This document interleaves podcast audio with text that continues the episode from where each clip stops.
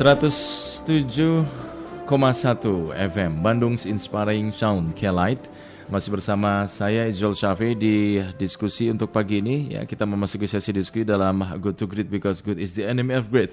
Pagi ini kita akan membahas topik tentang menjaga kebebasan sipil. Upaya apa yang mesti dilakukan agar pembungkaman kebebasan berpendapat tidak terjadi lagi di kemudian hari?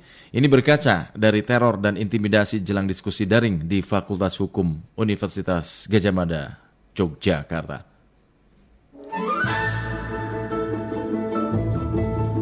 Peringatan Hari Lahir Pancasila tahun ini diselenggarakan di tengah berbagai ujian bangsa. Eksistensi prinsip Pancasila betul-betul diuji di tengah pandemi COVID-19 dan juga kebijakan yang diambil penyelenggara negara. Nah, di tengah situasi ini, selain terkait persoalan pandemi COVID-19, salah satu yang mengemuka adalah adanya upaya menggerogoti aspek kebebasan sipil, yaitu kebebasan berpendapat, kebebasan pers, dan kebebasan akademik. Nah, kasus terkini yang menjadi sorotan publik menimpa panitia dan narasumber diskusi daring di Fakultas Hukum UGM Yogyakarta baru-baru ini. Kritik ketidakpuasan terhadap pemerintah dalam menangani pandemi muncul. Kita memaknai kritik terhadap kebijakan pemerintah itu wajar dalam kehidupan demokrasi, sebab kritik adalah oksigen terhadap demokrasi. Tanpa adanya kritik, pemerintah tidak akan bisa mengukur sejauh mana program yang direncanakan telah dirasakan masyarakat.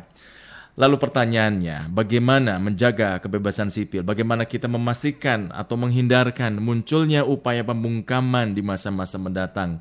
Mengingat itu adalah semangat reformasi dan itu adalah jiwa dari demokrasi. Dari as segi aspek hukum, penguatan apa yang mesti dilakukan? Nah, kita akan berdiskusi dengan para narasumber dan untuk pertama kita akan diskusi mendengarkan pemikiran, pendapat uh, dari narasumber kita itu Profesor Susi Dwi Haryanti SHLL MPhD, Kepala Departemen Hukum Tata Negara Fakultas Hukum Universitas Pajajaran Bandung.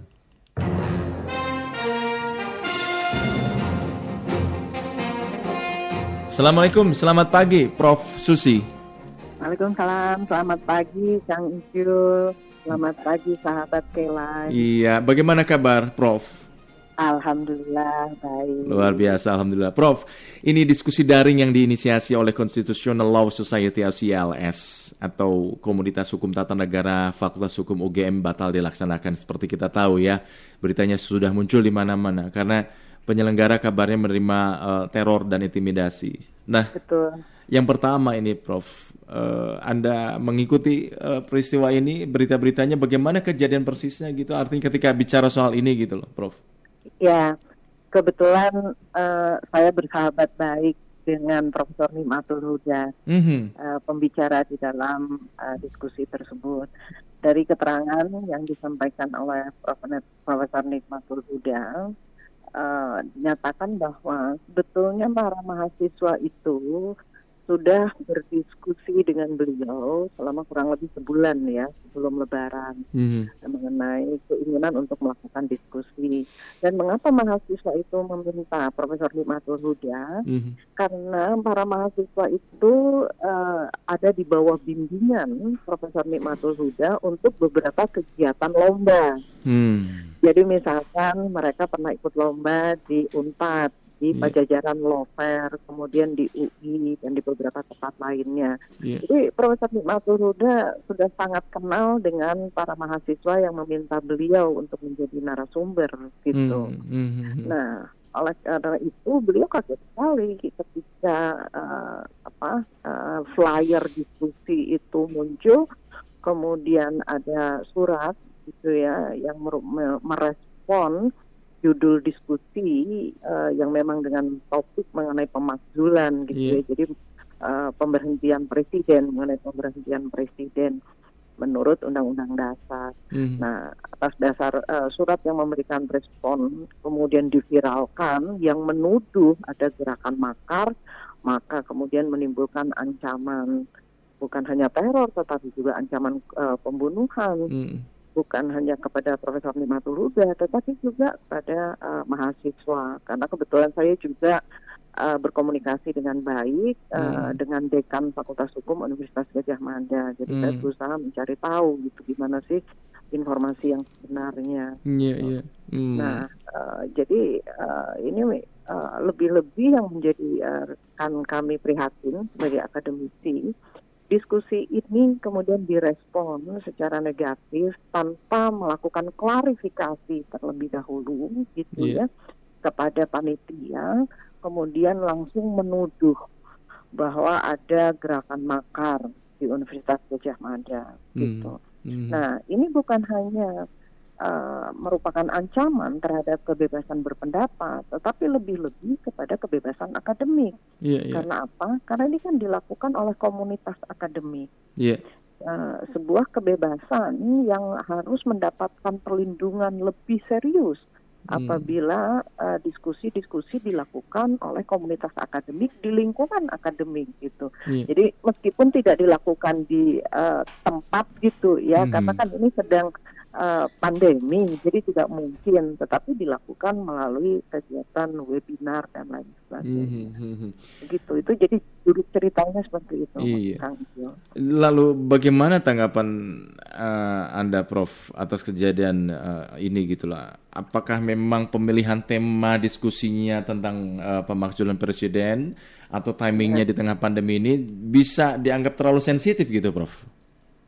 Ya, jadi artinya kan ketika satu uh, judul diskusi itu kemudian direspon gitu ya oleh pihak-pihak yang tidak memahami, mm-hmm. maka itu akan dikatakan sebagai sebuah yang sensitif gitu. Padahal isu uh, atau topik mengenai pemberhentian presiden mm-hmm. itu merupakan salah satu topik di mata kuliah hukum tata negara atau secara spesifik malah di mata kuliah hukum lembaga negara. Hmm. Jadi kalau di Unpad itu ada mata kuliah hukum lembaga negara dan salah satu topiknya, topik pembahasannya itu adalah lembaga kepresidenan.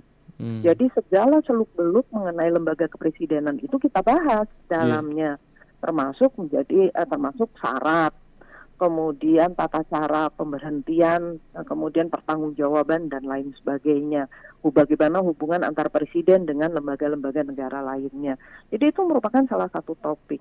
Dan hmm. sebetulnya yang sangat disesalkan gitu ya, yeah. bahwa justru uh, menurut uh, Thor uh, diskusi itu mereka tidak membahas pemberhentian presiden pada masa pandemi. Hmm. Jadi mahasiswa itu ternyata merespon dari berbagai medsos yang ada karena apa? Karena di dalam medsos itu ada isu-isu atau informasi-informasi mengenai bisa atau tidaknya presiden diberhentikan pada masa COVID-19 yeah, gitu yeah. ya. Hmm. Dan seperti yang tadi dikatakan oleh Kang Ijul Uh, kenapa isu ini muncul? Ya mungkin saja ada pihak-pihak yang tidak puas terhadap penanganan terhadap COVID hmm. gitu, yang yeah. kemudian memunculkan kritik-kritik gitu. Yeah. Ya.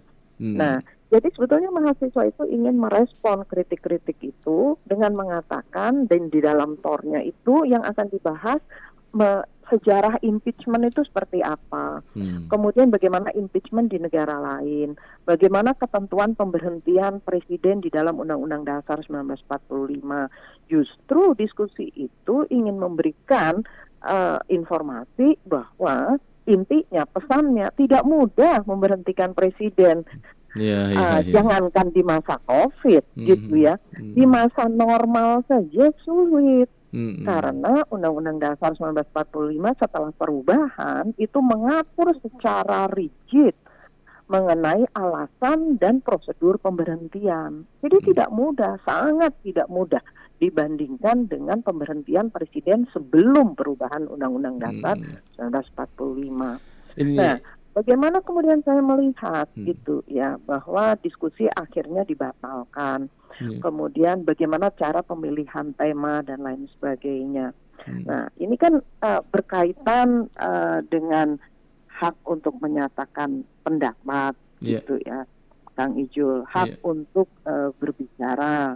Mm-hmm. Nah, memang uh, di dalam teori hak asasi manusia gitu ya dikatakan bahwa hak untuk menyampaikan pendapat itu tidaklah dapat dikatakan sebagai mutlak gitu. Hmm. Jadi dapat saja dia diba, diba, dibatasi.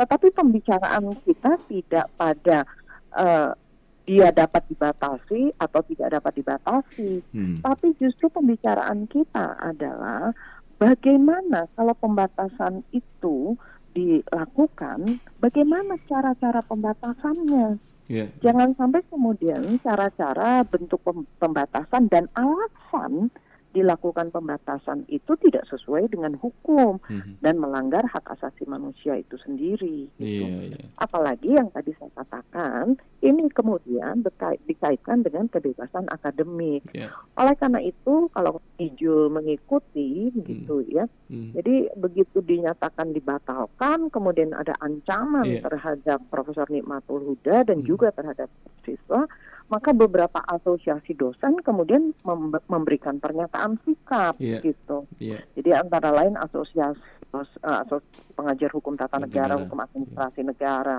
kemudian asosiasi filsafat hukum Indonesia, hmm. kemudian Kaukus Indonesia untuk kebebasan akademik, kemudian Serikat Pengajar HAM, kemudian Asosiasi Dosen Perbandingan Hukum Indonesia. Mm -hmm.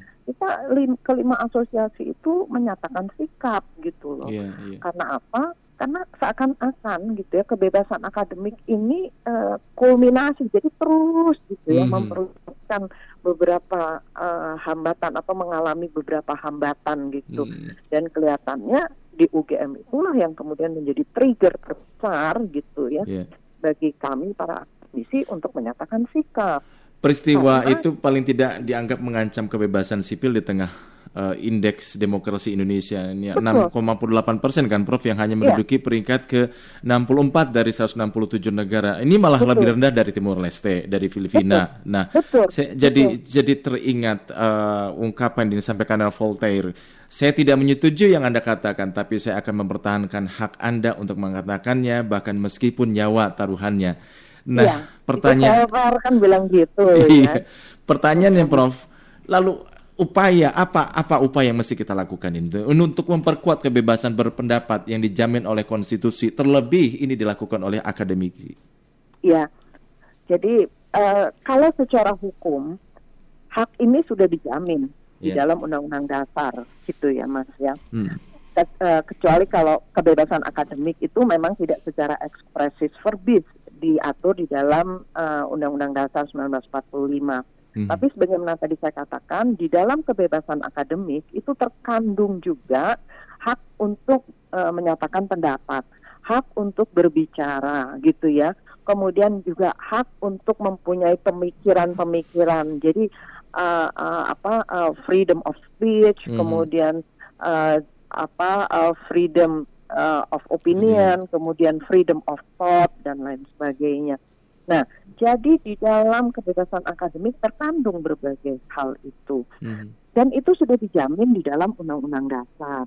Kemudian kita juga punya uh, Undang-Undang Nomor 9 tahun 1998 tentang hmm. hak menyampaikan pendapat di muka umum hmm. yang dikeluarkan pada saat uh, Presiden Habibie gitu ya. Hmm. Jadi ini merupakan undang-undang pertama yang dikeluarkan hmm. yang uh, uh, apa uh, memberikan makna atau uh, apa memberikan dasar yang lebih kuat untuk menyampaikan pendapat di muka umum yeah. gitu. Nah, jadi secara peraturan itu kita sudah clear. Nah, hmm. persoalannya adalah justru pada tataran implementasi. Yes gitu. Nah, implementasi ini kan dilakukan oleh berbagai uh, berbagai pihak gitu yeah. ya. Implementasi itu bisa oleh uh, uh, aparat penegak hukum, hmm. kemudian juga bisa implementasi itu dilakukan oleh birokrasi, birokrat-birokrat hmm. hmm. gitu. Hmm. Jadi uh, uh, persoalan itu menurut saya banyak terjadi di tataran implementasi. Hmm. Oleh karena itu, hmm. kebetulan saya pernah uh, menjadi uh, apa ya semacam panitiaran ham daerah. Hmm. Nah, uh, pada saat itu saya sampaikan betapa pentingnya uh, penyelenggara pemerintahan itu mempunyai paradigma human right based approach. Hmm. Gitu. Jadi mereka harus punya paradigma gitu ya bagaimana penyelenggaraan pemerintahan ini dilaksanakan atas dasar konsep-konsep hak asasi manusia. Yeah. Misalnya contoh, contoh aja mas, kita punya PKL ya, yeah. pedagang kaki lima gitu. Mm. Nah, bagaimana kemudian ketika uh, pemerintah melakukan penertiban terhadap PKL tersebut berdasarkan pendekatan HAM? Maka yeah. harus dilakukan dengan baik, tidak boleh ada kekerasan dan lain sebagainya. Mm. Kita masih ingat penggusuran Taman Sari, yeah. itu kan heboh yeah. ya kemudian terjadi demo besar-besaran. Nah, itu juga ditengarai mereka tidak memperhatikan atau mereka tidak memahami bagaimana penggusuran itu harus uh, dikaitkan dengan hak untuk mendapatkan perumahan yang layak. Mm-hmm. Itu. Mm-hmm. Nah, jadi persoalannya ini pada implementasi karena implementasi ini melibatkan berbagai pihak. Yeah bukan hanya aparat penegak hukum gitu ya, tetapi juga aparat-aparat pada tataran administrasi, hmm, yaitu itu pemerintah. Implementasi gitu. yang lemah, Betul. ya. Implementasinya lemah. Prof, gitu. Karena, in, ini yang terakhir, Prof. Hmm, ya. Singkat saja, Prof. Kalau dari perspektif hukum tata negara, bagaimana mestinya pemerintah ini dalam memandang sebuah kritik atau diskusi tentang khususnya pemakzulan presiden ini, Prof? Ya. Uh, kalau di uh, secara secara hukum tata negara atau uh, hak asasi manusia gitu ya ini hmm. merupakan satu uh, satu topik bahasan yang sebetulnya itu kan netral hmm. seperti yang tadi saya katakan di mana-mana itu uh, di dalam hukum tata negara dibahas mengenai pem, uh, pemberhentian presiden yeah. tetapi karena situasinya sekarang itu dalam masa pandemi jadi seakan-akan kemudian menjadi sensitif gitu. Hmm. Jadi menurut saya itu merupakan satu topik yang netral, secara akademik itu netral, tetapi direspon berbeda oleh orang-orang gitu ya yang di luar hukum tata negara. Hmm. Nah, ini persoalan juga juga yang perlu diperhatikan hmm. oleh siapa pun yang akan menyelenggarakan diskusi gitu yeah. ya. Yeah. Jadi bagaimana cara untuk memilih diksi yang baik hmm. gitu. Hmm. Tetapi kan tidak mungkin ya semuanya itu orang harus harus apa selalu punya gitu loh kemampuan untuk memilih diksi, diksi baik, ya. kan kita nggak boleh seperti itu gitu ya. hmm. ya jadi kalaupun ada yang memilih diksi dengan menggunakan kata-kata yang sangat atau uh, sensitif menurut ya ya ya itu hmm. merupakan hmm. satu satu keniscayaan. Hmm. Nggak bisa masyarakat kita itu disuruh homogen gitu. Berarti nggak perlu dong ya pemerintah melihat ini sebagai sebuah ketakutan gitu ya, Prof. Ya? Betul, tidak boleh ada ketakutan yang berlebihan. Hmm. Di dalam sebuah negara demokrasi, demokrasi itu tidak dapat berjalan dengan baik apabila terlalu banyak perubah sangka. Yeah. Pemerintah menurut saya tidak boleh terlalu banyak perubah sangka kepada rakyatnya. -hmm hmm Kalaupun dia uh, apa uh, uh, uh, tergelitik gitu mm-hmm. ya oleh sebuah atau sebuah frasa yang sangat sensitif, mm-hmm. maka sebaiknya melakukan klarifikasi. Yes. Mm. Gitu. Tidak mm. kemudian melakukan judgement sendiri. Yeah. Yeah. Yang saya katakan gitu ya, uh, saya membaca buku mengenai uh, judulnya ini uh, eye catching banget Kang Ijo. Mm who is afraid of academic freedom. Hmm. Siapa sih sebetulnya yang takut terhadap kebebasan akademik gitu ya? Menarik. Nah, menarik. penulis di dalam buku itu mengatakan bahwa uh, pada saat dia menulis buku kurang lebih tahun 2000 berapa ya 2010-an eh, atau tahun berapa. Dia katakan begini. Uh, kita hidup di era political correctness. Hmm. Uh, jadi isu-isu uh, yang sensitif gitu ya yeah. itu diselesaikan melalui politik mm-hmm. political correctness gitu. nah ini yang menurut saya gitu ya kalau ini terlalu intens terlalu intens selalu dilakukan ini merupakan hal yang kurang sehat mm. Dan Jadi di kita itu terjadi saya, ya, Prof ya.